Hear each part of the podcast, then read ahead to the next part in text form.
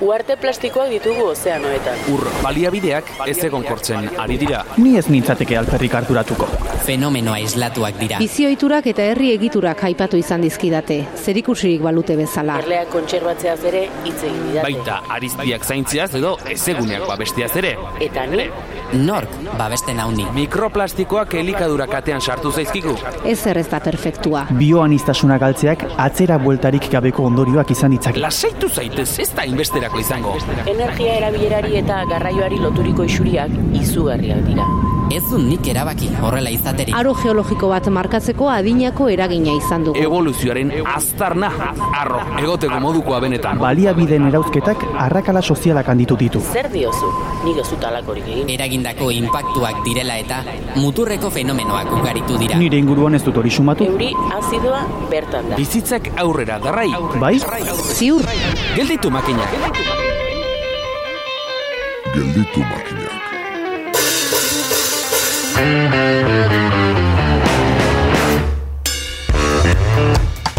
Kafe batek euro terdi balio du. Estazio askotan komunera joateak larogeita hamar zentimo gutxienez eta herriska bat eraikitzeak ardi bat, garia, egurra eta buztina, katanen bizi bazara behintzat. Elementu berak aldagaien arabera balio desberdina izan dezake. Horrez gain, balio mota bat baino gehiago daude. Hala nola, balio instrumentala, berezko balioa, eta harreta berezia pizten dabilen harreman balioa. Dylan English ikerlariak emango dizkigu hizkuntza gutxituen eta jasangarritasunaren arteko loturaren azalpen xeagoak. Partida honetarako beste jokalari bat ongi zaildutakoa da, ja da. Honek gainera beti izaten du garaipen karta bat eskura. Arantxa idieder bere postuan prest da eta eskutik dakar Jon Azkarraga etxelarko okina. Joko aipatu eta eserlekura hurbildu den beste bat nor izango eta Xalba Ramirez. Erriskak eraikitzen baino, horietako mugimenduen berri ematen digu eta oraingoan gurasos elkarrezketatu du. Ez da azertatuena izango gelditu makinak konparatzea konkista, produkzio masibo eta garaipenean oinarritutako mai joko batekin. Sarrera egina dago ordea, beraz, hause da gelditu makinak saioaren hogeita mabigarren atala.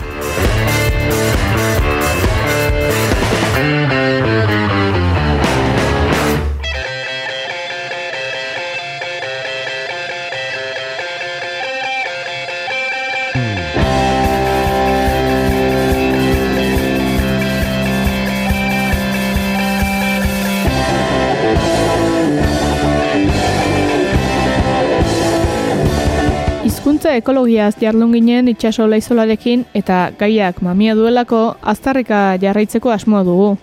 Hizkuntza gutxituak eta jasangarritasuna uztartzen dituen ikerketa egin dute Unai Pascual eta Dylan Englishek eta bigarren hau bera dugu gurean ongi etorri Dylan. Haupa, kaixo. Tira zuen ikerketa aipatu dugu eta nondik nora dabil ikerketa uzertzen zure helburua. Beraz, bueno, lehenbizi nik gogoa nuen hizkuntzak eta naturarekiko harremanak lotzen lotuko zituen ikerketa bat egiteko edo eta ni Inglaterrakoa naiz eta han ikasketak eginik ditut eta ikusi nuen Euskal Herrian e, Unai Pascual bazegoela, bueno, mundu mailan gero e, naturarekiko harremana aztertzen ba, oso goi mailan eta eta beraz eh, ikerketaren ba, zirriburru bat edo proposatu nion eta eta berak heldu zion eta hala hasi ginen. Eta ikerketa hau non kokatzea eragizen dute naturarekin zuen harremana aipatu duzu, baina ez duzu edo non kokatu. Hori da, ba, Euskal Herrian kokatu genuen, e, biok Euskal Euskara eztunak i- izaki, eta bai dudak bai genituen non kokatu, berba gorbe aldian, e, azkenian e, iparraldean eta egualdean kokatzea erabaki genuen, beraz, e, iratiko basoaren inguruan e, dauden herri batzuetan, eta eta gero arbailako oianean ere, horre siberoan e, egin genuen, e, bai, lau bai eratan beraz e, siberoan, e, garazi eskualdean, benafarroan, aezkoan, nafarroan eta eta zaraitzun ere, bai. Ba, zen biltzaten zeuzaren bila, alegia ikerketa bat egitea noikoa izaten da hipotesiak izatea, eta ez dut uste itxumu- itxumustuka hariko zinetenik ze hipotesi zenituzten.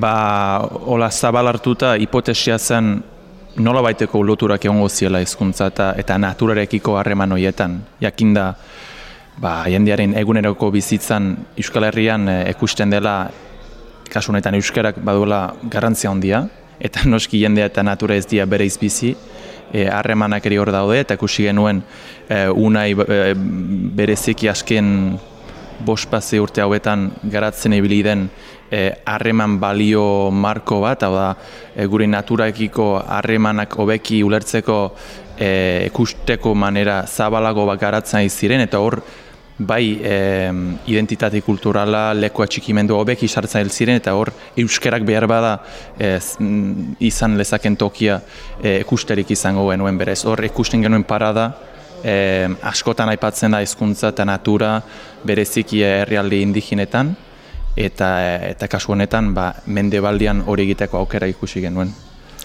Natura aipatu duzu, baina ez duzu zehazki natura bere osotasunean hartu basoan zentratu zarete. Hori da. eta? Hori da, jendearen basoekiko harremana, bueno, ba, nonbait, uh, nonbaitetik asteko beharra zegoen, eta hori, itxaspazterrak edo mendia eta azkenien baso hartu genuen, e, iratiko basoa eta ingruko basoa ba, oso garrantzitsua dira komunitatientzako, eta bai horrengatik eh, beste tokiren batean egin genezaken, baina ba, egok ikusten genuen, gero noski eh, haunitzetan naturaz pentsatzen dugu laikan, ba, basua burura datoz, datorkigun lehenbiziko gauzetak da, beraz, eh, bai, hortako.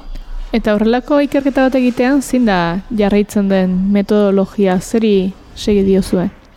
Beraz, metodologia eh, haunitz badira, olako ikerketak egiteko, guk hautatu genuena, e, Q meteorologia deitzen dena da, beraz e, oso egokia da jendearen balioak hobeki ulertzeko zen. Baliok oso zaiak dien neurtzea.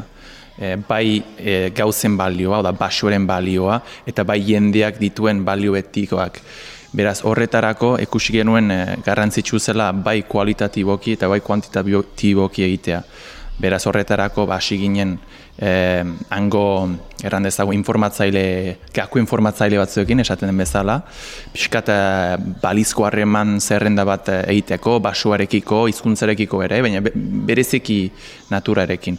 Gero eh, zerrenda hori eh, talde eztabaidetara eraman genuen, hor lau ibarretan, Euskeraz Frantses eta Gaztelani ezin genituen olako eztabaidak, eta hor asko zere zerrenda luzeago bat izan genuen, egun harreman eta goiti izan genituen, eta ero hortik berriz ere e, laburtu e, oita amairu harremanetan eta berriz joan ginen ikerketa ere mura eta banan-banan partaidekin e, olako taula bat eman genien e, harreman e, horiek ordenian jarrez ezaten. Beraz, e, horrek usi genuen ba, haientzako banan-banan zein harreman edo zein balio zien garrantzitsuen eta zein igual garrantzi gutxiagorekin. Eta horla, gero datu analizia egin eta ikusten algenuen e, landalan ere horretan ze perspektiba, natuarekiko ze perspektiba gailentzen ziren. Naturak balioak dituela ere irakurri nizuen, zein dira ba natura aztertzerako orduan ohikoen e, diren balioak? Beraz, e, lehenbizi bi balio mota bere izan lehituko, e, eta konservazio munduan azken hamarkada daudetan gailendu izan direnagia. Batetik balio instrumentalak, hau da gauzen balioa funtsian. E, Haunitzetan balioetaz pentsatzen dugunean, ba, balio hietaz pentsatzen dugu. Batetik, e, ez dakit, oian batek ematen izuna eurra, edo karbona, karbonua surgatzeko duen al, almena, e, edo ba, itxasoak beste kasu batean ba, ematen digun txaskiak edo, edo oianaria, olako, olako balioak edo olako errekurtsuak ez. Gero bestetik, e, batez ere hogei garren mendetik goiti balio e, intrinseko edo berezko balioa ere egonda, eta hori da, gurekin inolako harremanek izan gabe, naturak duen garrantzia. Piska bizirauteko duen e, duintasun hori ez. Eta ikusten badegu Parke Nazionalen gaia, hoiek mm, erran genezake bereziki balio hoiek soeginik e, sortu dira. Yellowstone estatu batuetan etzen eh, guri gerora bai egin digute ekarpena eta polita dira, baina berez dia ba, natura berezia da eta zaindu behar dugu. Beraz, konservazio mugimendua, pixka balio, bi balio mota horietatik e, tiraka e, jintzaigu, eta orai berriki bertze ekusita oietzela aski gure naturarekiko harremana bere osotasunean kontuan hartzeko, ba, beste balio mota bat ere sartu da eta hor hortxe ikusi dugu aukera gero hizkuntzarekin uztartzeko. Eta beste balio mota bat aipatu duzu, ez zerate konformatu ez balio instrumental ez berezkoekin. Hori da, bai, gero harreman balioa em, hartu dugu beste balio mota bezala, Eta hori lehen mm, nolabait eh, balio instrumentaletan sartzen zen, baina zaila zen, ze arrasa da neurtzea mm, ba, egur puska batek zen bat ematen digun, baina gero ez dakite baso nire ingurumen edo inguruko basoak nire ematen didana edo harreman horretan e, ze garrantzi duen neurtzea zaila da. Ze hoi, harreman balioak ez dira neurarriak eta ez dira mm, baita ezpada trukagarriak, beraz, e, hoiek dira harremanian sortzen diren balioak, ez? Eta adibidez hizkuntzarekin hori gauza emozionala da, pertsonaz pertsona latzen dela, eta beraz hori da harreman balioa, eta guk espero genuen gero e, partaidengan edo herritarrengan hiru mota hoiek e, balio mota hoiek pixka nasien ikustea. Herritar hoiengan, bueno, balio harreman balioetan zentratuko naiz. Herritarrengan zer nolako harreman motak topatu dituzue naturarekin? Ba, beraz, bi esan bezala hiru balio mota horiek agertu ziren, baina gero azterketa iteko garaian ikusi genuen hiru perspektiba bereiz paziela. Batetik bazen zaintzailea, beraz, e, pentsa, igual zuke bai e, balio intrintxikoak, bai instrumentalak, bai harreman balioak balio, balio estentuzu, baina azkenean hierarkia batean ezarriz gero ba, batzuk lehen etxiko dituzu. Beraz, lehen biziko taldeak ikusi genuen zaintzaileak zila. Ororen gainetik e, e, basuaren zaindu beharraz asolatzen zienak. Beraz, bere harreman horretan ere, harreman e, zienean, ba, gerora, e, gerorako beti e, ikuspuntua bat zuten, e, belaunalien arteko e, ekitatea, eta hori oso garrantzitsu zen, hori noski harriman balio bada, ez? E, ez baita zuzenki e, beraie egiten zain ekarpen material bat, hoi, ba, hoi, bat da. Gero beste bat, e, e, eudo, eudonomian edo inglesez esaten genuen bezala, pixkat, e, basoaren garrantzi, garrantzia beraien eungi ezaterako. Beraz, e, ba, joatia kirole egitea, e, hori ere, e, hain batean harreman balioa da. E, pixkat basoak bai, e, beraie egiten, egiten zian e, ekarpena. Eta hirugarrenik e, zen euskerian edo euskalariak e, deitzen al genuken hori, eta horiek dira horren gainetik e, basoaren e, garrantzia bai e, kultur e, identitateari begira eta bai leku atxikimenduari begira. Eta hoiek gehien balio esten zituzten esaldiak bai euskararekin zuzenki loturiko bat edo biga bat ziren eta gero beste batzuk ere em, aski, aski lotuak bai ba, kultur identitatea eta euskara aipatuta ere hor sartzen ziren. Beraz, nolabait beraien ba, basoarekiko harremana euskararekin eta bere komunitatean lotuta e, dago. Eta bakentzen badezu ba hori hausten da. Eta Euskal Herrian ere olako perspektibatan oinarrituta diren e, mugimendu batzuk ere ikusi dugu adibidez e, aroztegi esango nuke hor baztanen e, adibide e, aski argi bat dela olako perspektiba bat e, gailentzen den e, ba, gune bat edo Az, azalera dutako harreman hoiek iraunkorrak aldira, edo bilakaera bat e, gertatzen da? Ba, zale da erratea, baina tira, e, ez tegu erraiten al, adibidez askotan e, euskerarekiko harremana e, mendetan zer eta, denbora zehar ahultzen duan gauza bat bezala ikusten da pixka hauskortasun hori ikusten da, e, baina kasu honetan e, erran beharra dago e, ikuspuntu hori izan zutena batez ere gazteak ziela, eta beraz kasu horreta ikusten dugu belaunaldiz, belaunaldi bai dela aldaketa, eta beraz e, ematen du e, gaur egun gau izartian gaztiaguek gero eta gehiago jotzen dutela balio imaterialetara, hau da, jada, bali, e, behar eh, materialak asetuak direlakotz, beraz hori interesgarria eta hezkuntzari begira batez ere. Gero urte zurte beste aldatzen diren ez dugu uste. balioak beraz dira izaten ditugun balioak eta eta gerta liteken arren ba, normalki aski e, irudi osatu ematen digute. Bai balio instrumentalak eta baita berezkoak ere izan ohi dute pixu bat erabakietan, era, instituzioetako erabakietan batez ere, harreman balio hauek badute edo izan lezakete? Bai, nik esango nuke izan dutela, izen hori jarria ez izan arren, ba, bai, agertzen dira, askoten agertu izan dira, errandudan bezala, e, balio instrumental e, konzeptu horren barruan, nolabait nasian, em, baina ustegu lagungarria eskuertatzen alela, hoiek bere izartzea eta dagokien balioa ere ematea, ez? Eta behin hori ekusita ba, ze garrantzi duten ikusten lego, ze oso erreza da em, balio e, moralen alde egitea, ez? E, e, berezko balioen alde egitea, eta oso erreza da esatea, ba, behar ditugu ba, ura eta airea eta beste gauzak, baina e, zare da marra idaztea non den behar e, oinarrizko beharrak eta gero ba, gure ongi ezaterako beharrak. Eta biak garrantzitsuagia eta albalden bada olako marko mm, sendoago bat e, eraiki oi balio hoiek hauek aitortzeko eta kasunetan hizkuntzare sartuz ba al ba hobe. Identitate ere aipatu duzu eta hortik ere tira nahi dizut zuek basoa eta euskara lotuta zer pisu du basoak euskal identitatean Ba, haundian, batez ere, e, ba, guk ikertu genuena eremu horretako biztanlek ziren eta horiek zer esanik ez basoarekin bizi dira naiz eta batzuk egunero ataratzen diren basoarekiko harreman fisiko zuzena duten eta bertze batzuek ezain bertze ba, ba guztientzako garrantzitsua zen eta eran beharra dago batzuek erraten zutela ba ez dut, ez dut inolako harremanek basoarekin ez, ez torri nire gana nik ez, ez, ez dakat deus esateko baina horiek ere bazuten ez?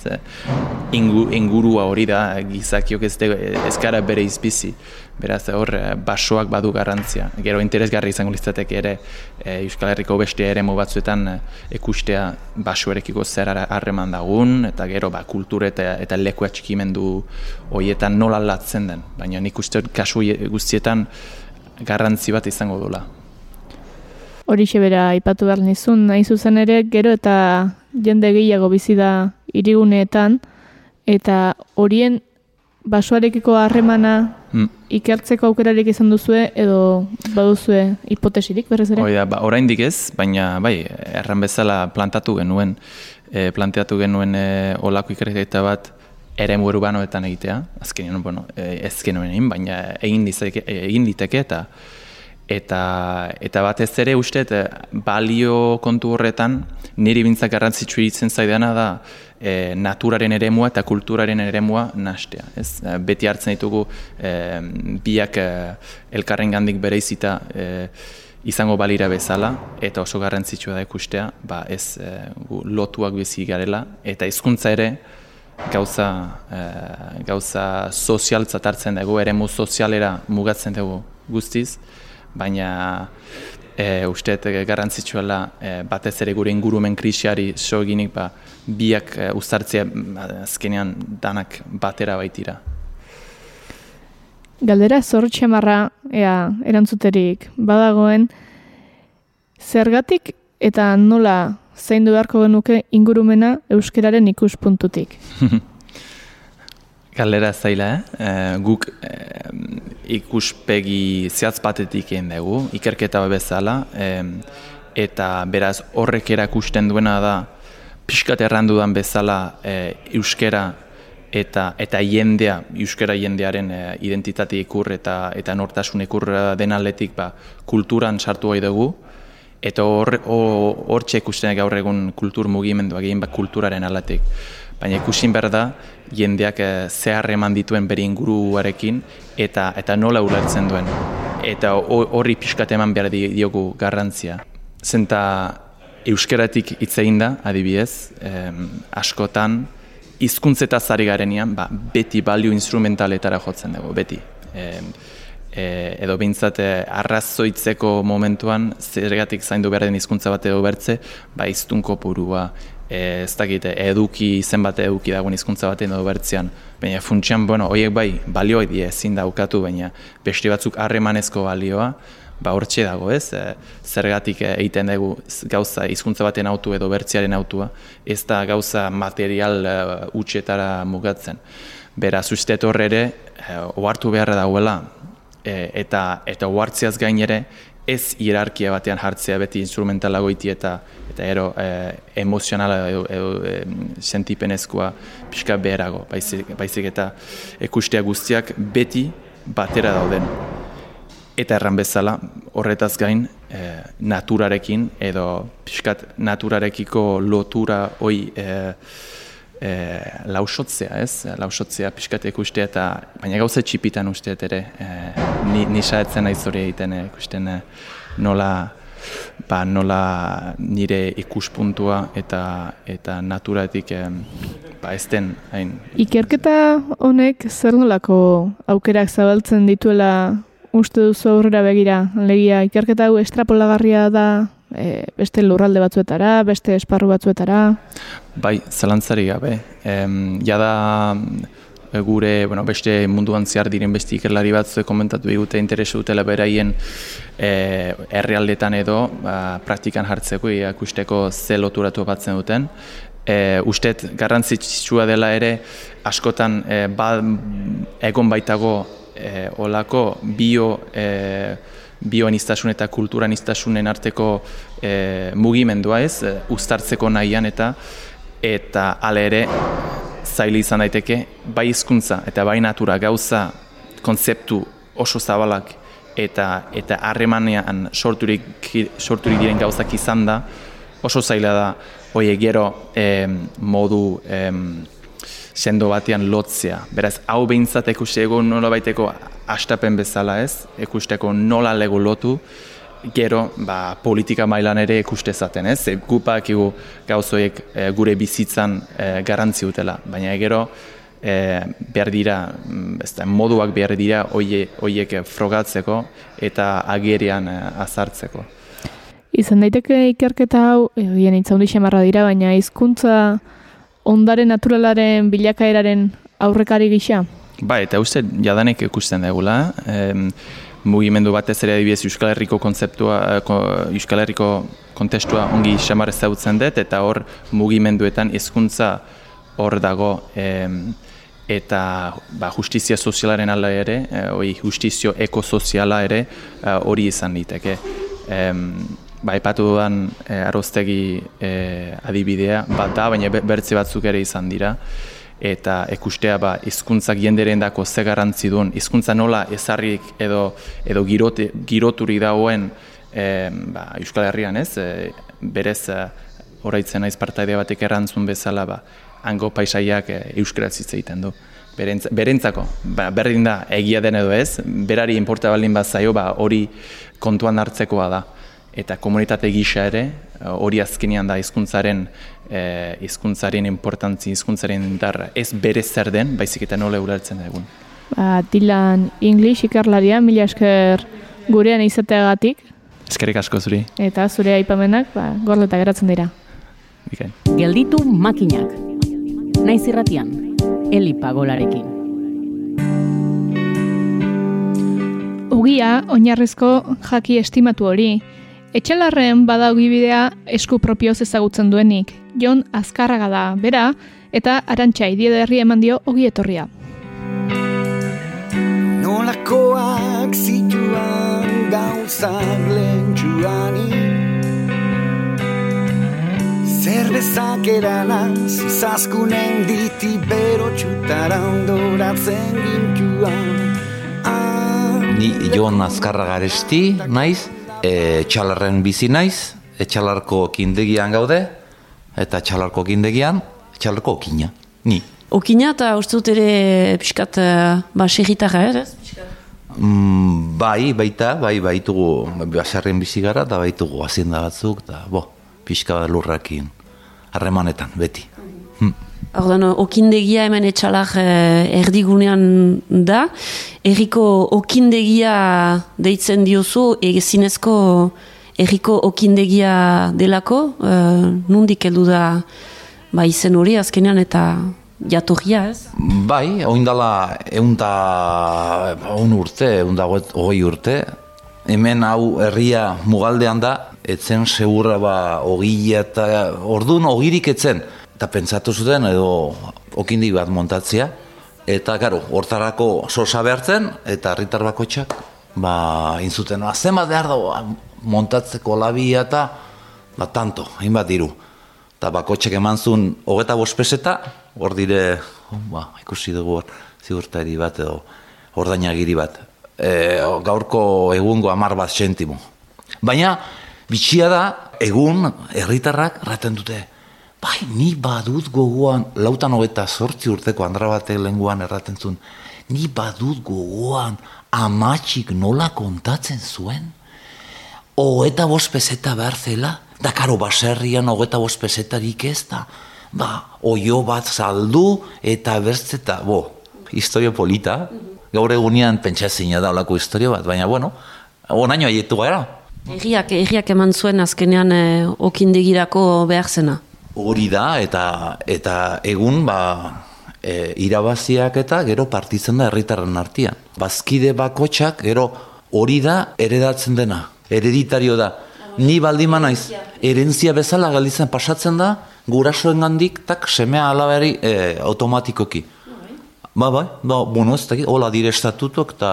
Eta zu beraz hemen uh, okin gisa, badu zer, amar urte, ari zirela? Bai, amar bat urte hasi nintzen hemen. Eta zer da zuretzat uh, ogia egitea? Ba, bo, hemen hau beti izan du da, zerbitzu sozial bat. Bai, zerbitzu eskaintzen zaio herriari, eta inundik ere etzen dirua egiteko. Bai, da, herri, herritarrak, herriak ogi izateko. Baina, bueno, gaur egunean, pixkat zentzu hori galdu da, bueno, galdu da, gun nahi dugu mantenitu, baina hoin dena da globalizazioa eta fakturazioa eta ratioak eta diru eman behar dut. Eta bueno, guk mantentzen dugu zerbitzu sozial hori eta pixkot nik hartu zerbitzu edo lan politiko bat eh, egiten du e, okindegi honek. Oin dela bi urte, hasi gara Euskal Herritik garia granoa ekartzen, eiara bat ekarri gendun, eta ia pixko bat e, zirkulo hori itxia. Bai, ze guain, bai, irina tortzen, etortzen da, ez dakik unundik hortzen da, Ameriketatik edo... Eta ba, pixko bat, e, ba, elikadura edo nekazaritza iraunkorrak bos, lotzen dugu horrekin. Bai, e, Euskal Herriko e, nekazariekin harremanetan jarri, eta, karo, hori ere guaindik da lantzeko, bai. Baina, bueno, hortan hasi gara eta arront arro gaude, hortaz. Azken, sare zerbait sortu duzue? Bai, sare bat, arrotzeko gauza baldima da ere, baina jendeak guaindik, batez ere mengo etxalarko jendea, ez da, ez da jabetzen, ez da, ez da uartzen, go, niretzako da gauz bat, joe, bait, hau da, Euskal Herrian sortutako alea, granua, eta bertan egiten dugu eotu eta irin bihurtu, hori da, eta irina eta gero ogia. Osea, da Euskal Herritik sortua, da niretzako hori da, ba, ba, benetan, benetan egiazko buru jabetza, bai. Osea, ez da inundik ere e, bitartekaririk. Ulertzen zu? Osea, nekazarikin egiten dugu zuzena, harrema salmenta zuzena, zuzena horik ez da. Eta gero hori, tak, zuzenian doa, ogia, herritarren maira. Oaindik ba ba badakigu proiektu pixka berde da. Batez ere proiektu bera ez dago berde, baina jendia ez da mm, oaindik ez du kultura hori. Bai, ez da hartzen. Ez da hartzen zer dan, ba, pues bageta, ba, pues bageta janen da. Baina, bueno, niretzat Euskal Herrian sortu den lehen gai bat horreki lan egitea, ba, importantzia handia du, niretako diskurtzotik agaratago, eh? egiazko importantzia du. Diskurtzotik konkretura, konkretua baita?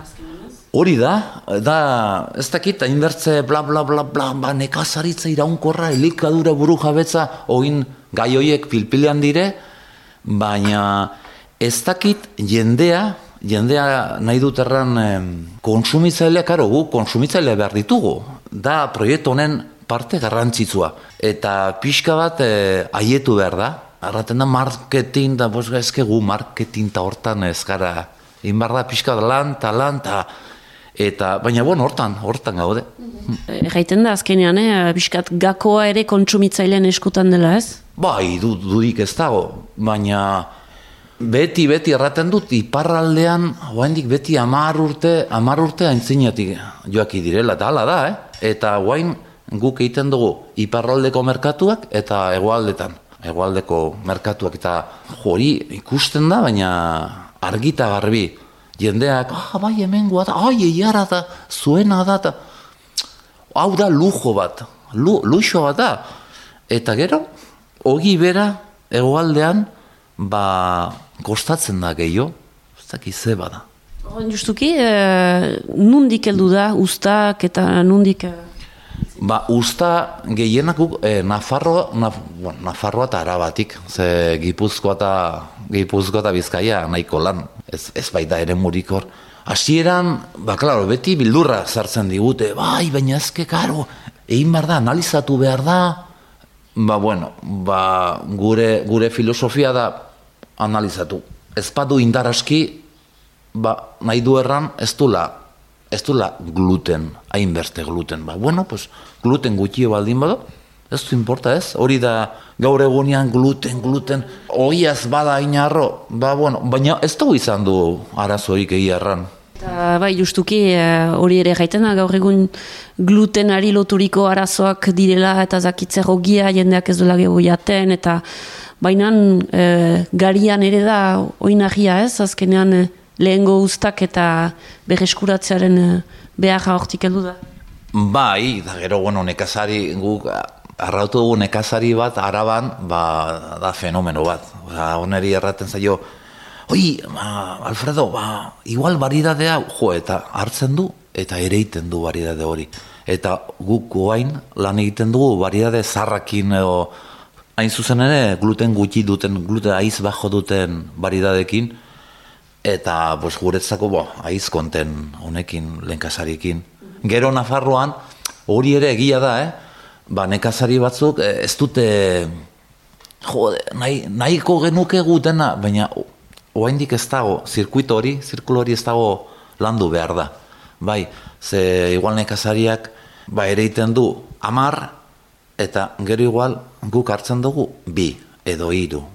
Eta ordun hori zehaztu barko litzake. Bai, dena antolatzekoa baita, ez? Bai, hori da.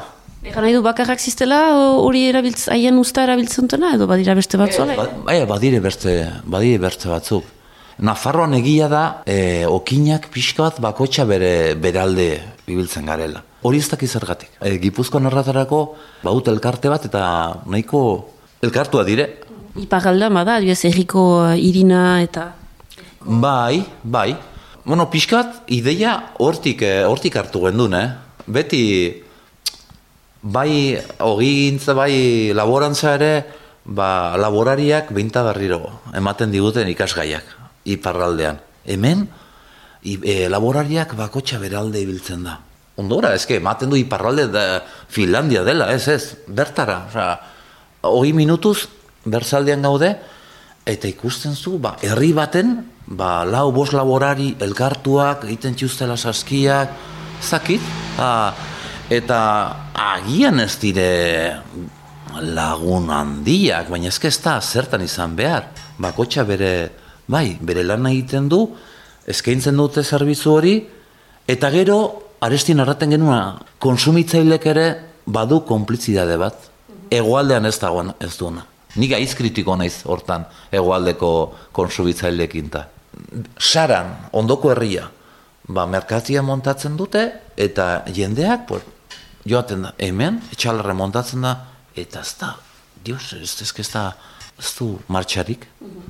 Eta, bueno, etxalarren da, etxalarren bezala e, beran ere, bera da herri koskor bat, baina ez du, ez du hartzen ez. Ja, eramaki du hiru urte, da alere, mm, nahiko triste, bai. Eta eiera nondu zuen? Ei, eiara bertan, bertan e, emena. Bai, gero, bueno, hori da betikoa, ba, institu, instituzioak eta legileak ez dute bate laguntzen, trabak berterik ez dute jartzen. Ba, guk e, eiara bat paratzeko, bete barko genituzke Jesu Kriston arauak eta Eta orduan, bueno, pues baitu, badu hor, e, apezan, apezan gela baten, bai, hori dire Elizako eskil sakratuak, goian bego, eta, eta antxe dugu, han, han dugu granua, aleak, eta eiara, eta zetabea, antxe dugu, gure txiringitoa. Eta zomat ogi egiten duzu uh, astean? Oi ama, zenbat ogi? Bo, arrotu nazu. Ez, Egunean, ezakit, nola antolatzen ah, Bo, egunean, boz, baget eh, normalak egiten dugu ba, berreun bat, eta gero bertze hoiek eiaran eh, bertako irin hori ekologikoa eta boz, egiten dugu hastian lau egunez. Zenbat hogi, ba, egun bako txeko egun da hogei bat hogi, bai, dire hogi koskorrak. Zenako koskorrak dira? Besteak bagetak? E, bagetak dire, ba, bagetak dire, irin xuriakin, nik erraten dutena, aizez beteriko ogiak direnak, ba, ba iruron gramok, eta pff, Jesu Kristo alimaleko ogi egiten da, eta bertziak zortzirun bat gramo, eta pixkat, arestin erraten genunagatik, ba, gluten gutiago dutelako, eta ba, pixkat zapala, apalagoa dire. Eta, gero, zortzion gramoko ogi batek, pos, irauten dizu, aste osoa. Bo, eta zenako hasi zinen zu ogia egiten, zautuz galdegin? Bo, ba, sorteak ekarri nau, nola da kanta hori, ba, sorteak ez dakit, ze berez, etxian, okina beti-beti gure, gure Andreak egiten zuen ogia, beti.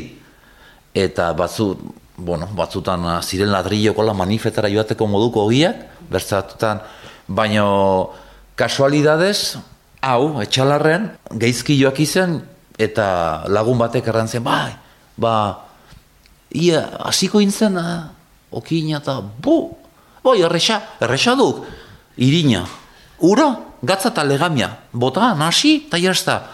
Eta, hola, le, loitara, bialdu ninduten lehoietara, nola die, eta hola, lehenbiziko hiru jautetan ametsiten nun ogiakin, zinez, eh?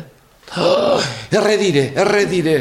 Eta, baina, bueno, gaur egunin nola, da, ni gaztetan enuk inoiz sinetxiko do pentsatuko goizeko irut erdit, ama, virgi, ni, ni, ni, ni. Eta guain, ba, kantari ekitzana ez irut erditako aski lan polita baita. Eta ondotik banatzearena ere badelako ez? Hori da, eta nik iten dut ogi biologiko eta be, bederetzi tarditako joaten naiz, eta boz bezerokin, larala, larala. Hori polita da, bai. Ze gure bezeroak ez dire, jo, ez dakit, nien nahi joaten donosti batera edo irun batera. Bai, boz joaten naiz eh, herri txikitara eta, eta bueno, eh? Etxeetara, Ez, ez, etxetara ez. Ogiak utzitzen dugu edo belar dendatan, edo berzela denda konkretu baten. Beti sa- salmenta zuzena da gure lehentasuna. Baina badire bizpairu denda, utzitzen dugu ogiak. Bai. Ze leheno ipagaldean adibidez orain hori ere galdu da, baina e, okina joiten zen etxeetara. Etxez etxe, ogiara maiten zuen, eta azkenean hor ere alde sozial hori mantentzen zuen. e. Baina e, hemen hori sekula ez da, ez da gertatu. Ez, hemen alde sozial hori okindegian egiten zen. Eta gaur egun ere egiten da. Jendea torten da ogiketan, eta ez da, jue, ba, normalin ikusten duguna, barra bat, aio. Eta joat, ez ez, egoten dire, hemen, hogei, hogeita bost minuto, elian, eleketan, no, pla, pla, pla, pla, pla. Eta, hain zuzen, hemen ikusten dugun argazkiak eta, hori da, taka, eguneroko eh, argazki hori egunero gertatzen da. Zer da argazkian, ez baitugu ikusten hemen. E, argazkia, ba, igual, igual da, gizonak zein emaztekiek, eh? igual, igual. Bai, ba, ba, ba, ba. Euria bada, euria. Hotza bada, hotza, belarrak badire, belarretan, baina hortxen, taka, taka, hori da, ez dakit, elgartzeko norbait hiltzen bada, hori bitxia da. Norbait hiltzen bada, okindegira etortzen da, jendea, ia nor da, nor, nor da difuntua. Bai, bueno, arestian antzun duzu, eh, eskilak ondoan bertan dugu eliza, eta eh, hil eskilak jotzen direne, pues, lehenbiziko, karo, hemen eh, lehenbiziko bezeroa goizeko seiretan hasitzen da. Hemen ere goiz, goiz, goizetik hasitzen da jendea ogia, eta pues, hori, lan sozial hori, difunto nor da, da olako gozak. Ebe, ara, hortxe, etxalaren uh, zentro-zentroan uh, harrapatuko zue Jon uh, Azkarraga eta bere lankidak ulertu zue erriko okindegian. Bai, hemen txe, o, Eliza ondondoan. Eta gu, animatzen dena, hemen gaude. Bai, mil esker? Bale, zuedi.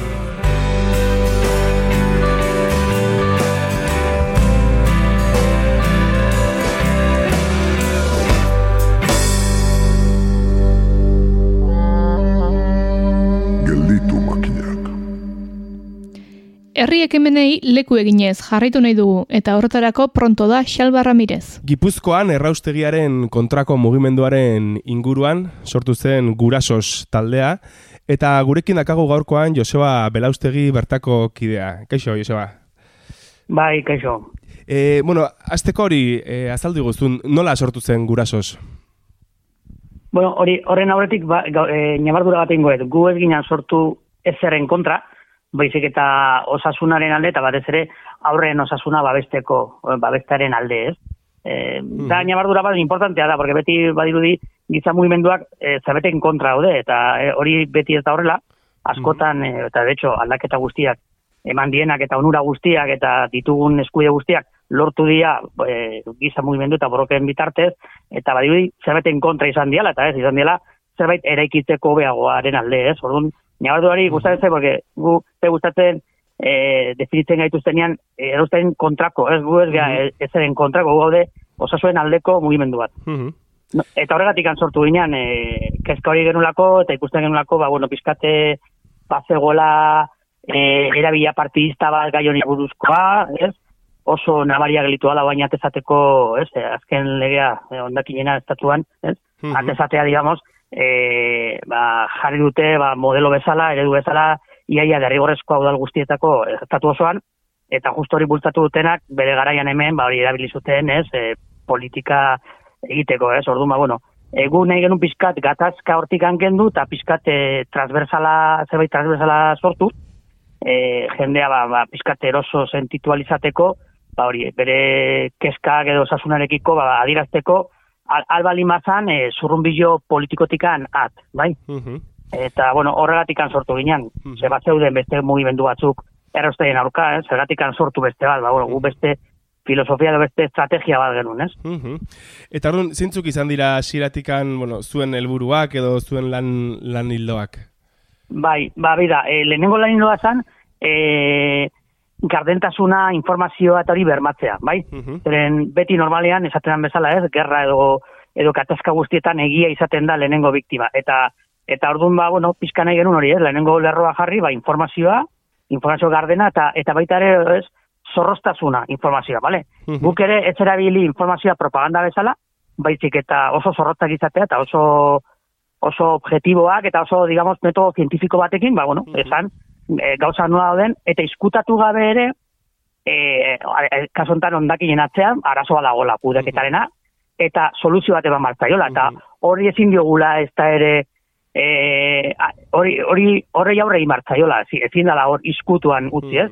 Orduan, pixkate hori zalderro bat, bigarren atzan, e, denen arazoa dana, ba, denen artean konpondu behar dela, eta parte hartzea izan behar aktiboa, efektiboa, eta bueno, eta proaktiboa, ez, komentatzen egin bezala, ez bakarrik e, zer ez detenen nahi, baina nik nola konponduko nuke.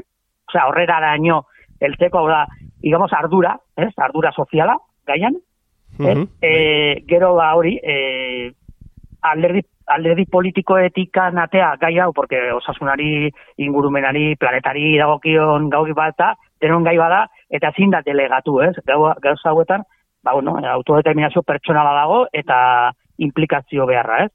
Eta, eta hoxe zian pizkat lerro nagusienak. Baita ere, e, borroka moldetan, edo mobilizazio moldetan, ere, ba, bueno, e, nahi genuen izan pizkat ere, e, ba, bueno, pizkate betiko, betiko inerziatikan at, ba, bueno, zerbait, ba, espresio edo adirazpen berriak sortu edo sortzen e, lagundu, eta, bueno, nahiko imaginatiboak izan ginean, eta, bueno, hor ere innovatzen hasi gina, eta, bueno, uste genuen e, beharrezkoa zala ere, mobilizazioetan ere, ba, bueno, ez, buelta bat ematea, eta eta inertzetikan mm, aratago, ba, bueno, pizkat, zerbait atraktiboa eta pixkat eh, hortan ere ba, saiatu. Mhm. Eta aipatzen duzun beste ekimen mota hauen artean, zen zer azpimarratuko zenuke? Bo, bueno, asko, eh, lehen, aurrenekua izan zen, ez genion manifestazioa ditu. Ez, eh, deitu genion eh, eh, arre, as- osasunaren arrezia eta kontxan egin zan, eh, zan espa, espalitikan egin zan, eh, denak beltzez juteko eta aurrak txuriz, logoaren pixkat eh, eh, adierazpena iten, bueno, pixkat hortikan gero egin genuen eh, jaialdi bat, abustok, zeren abustuan, ze, eh, ba, bueno, eh, erabaki importantenak ustaia bukaeran eh, eman zituzten, jende oporretara konbaltzanean, ez, a- agostismo deiten zaien horretan, eta horren aurka egin genuen, ba, bueno, eh, abustok, bustokeko festivalaren ezo, arira, eh, Gladiseneako parkean, oso jaialdi polita, eta bueno, la, eta bueno, eta hainbat gauza, ez, hola eh, eh, ezberdinak zaitu geha egiten, ez? Mhm, mhm. Eta, mm, bueno, orain, e, ez, eh, aipatu ez igual ez, ez errauskailuaren kontra sortu, baina, bueno, errauskailua izan da zuen kezka nagusietako bat bintzat, ez? E, zer, bueno, ja, eraikita dagoen hontan, zer egin daitekela uste zu, edo zeintzu dira zuen aldarrikapenak gai honekin? Bai, bueno, zuk esan bezala, ba, ba, bi fase nagusi zeuden, ez? Bat, e, egin arte, edo funtzionatzen hasi arte, eta bigarrena ondoren, ez?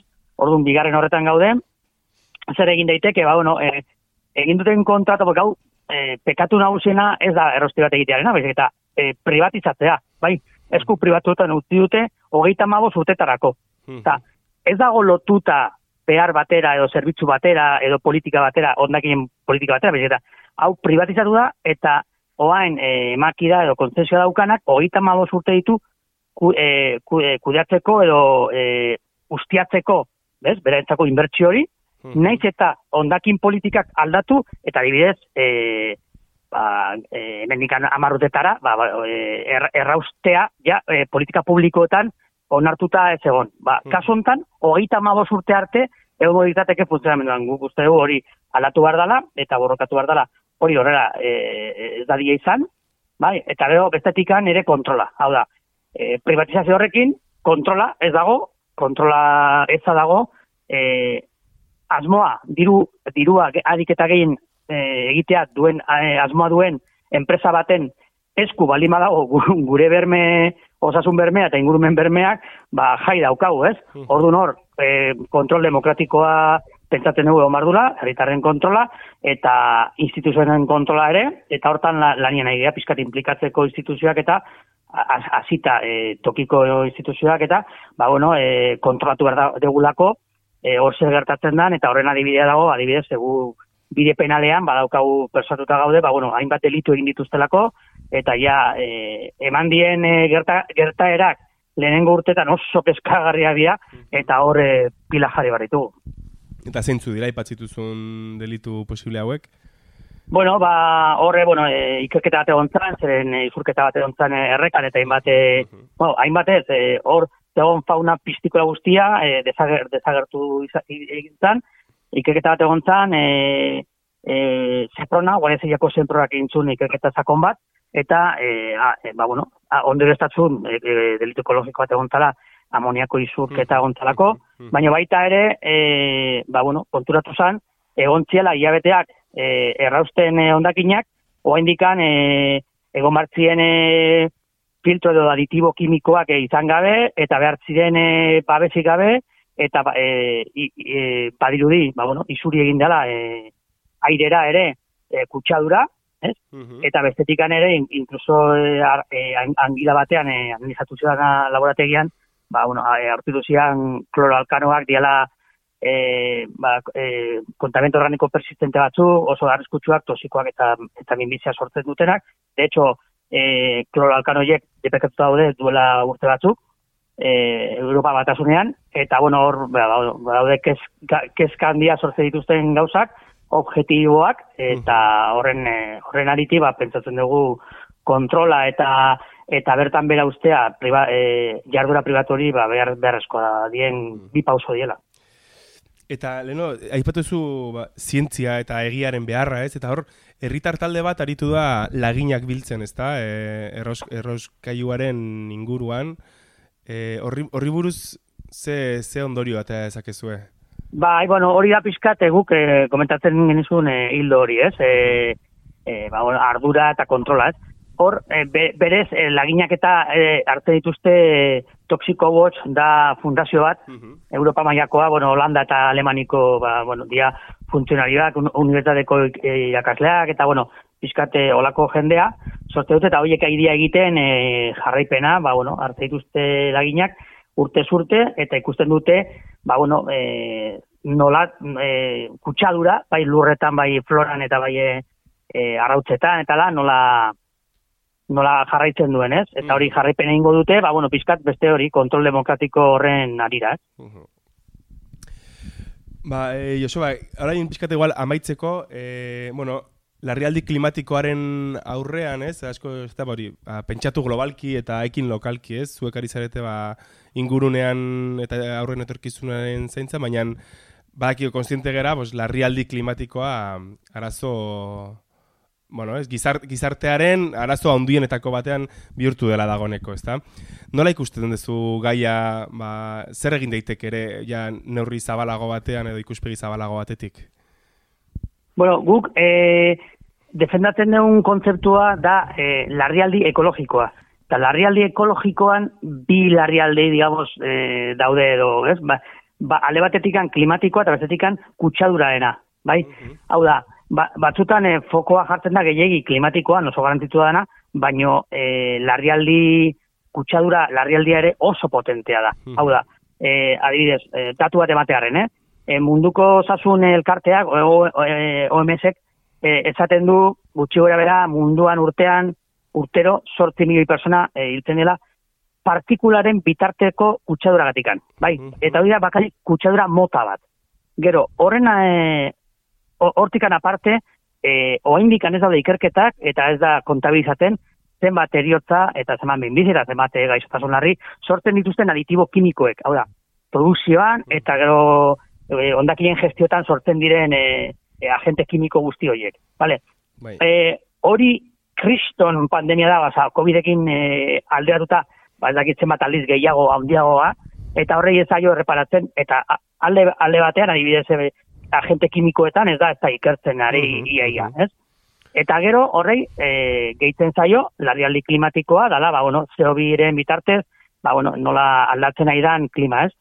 E, kasu honetan, e, adibidez erraustegiak ze bueno, beti saldu dute, ez, ekologia zirkular, eta lako, ez, e, iku, e, e, ikurra guztiak arte dituzte, olako e, instalazioa jarte dituzte adibidez, Europan e, e, ekonomia zirkularretikan e, eta aldaketa klimatikoaren eh, aurkako borrokan, kanpo utzi dituzte Europan, e, Europako Komisioak utzi ditu e, erraustegiak eta valorazio energetikoa egite dute erraustegiak ere. Oda, kanpo daude. Zergatik, e, ez dutelako ekonomia zirkularari laguntzen eta baita aldaketa klimatikoa areagotzen dutelako, ez?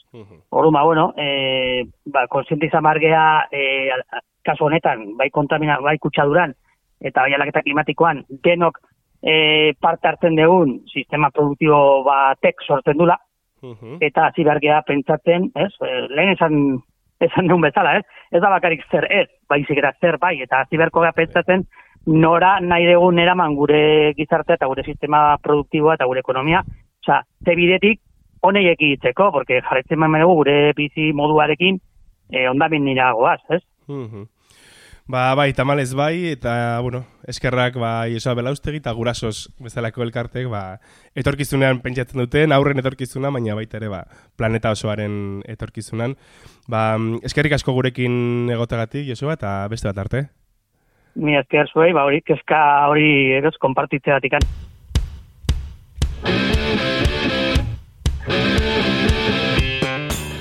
Katan jolaseko lapurra gure hexagonoaren gainean dagoenez, onaino gure emana datorren tuiradan elkartuko garelakoan ongi izan.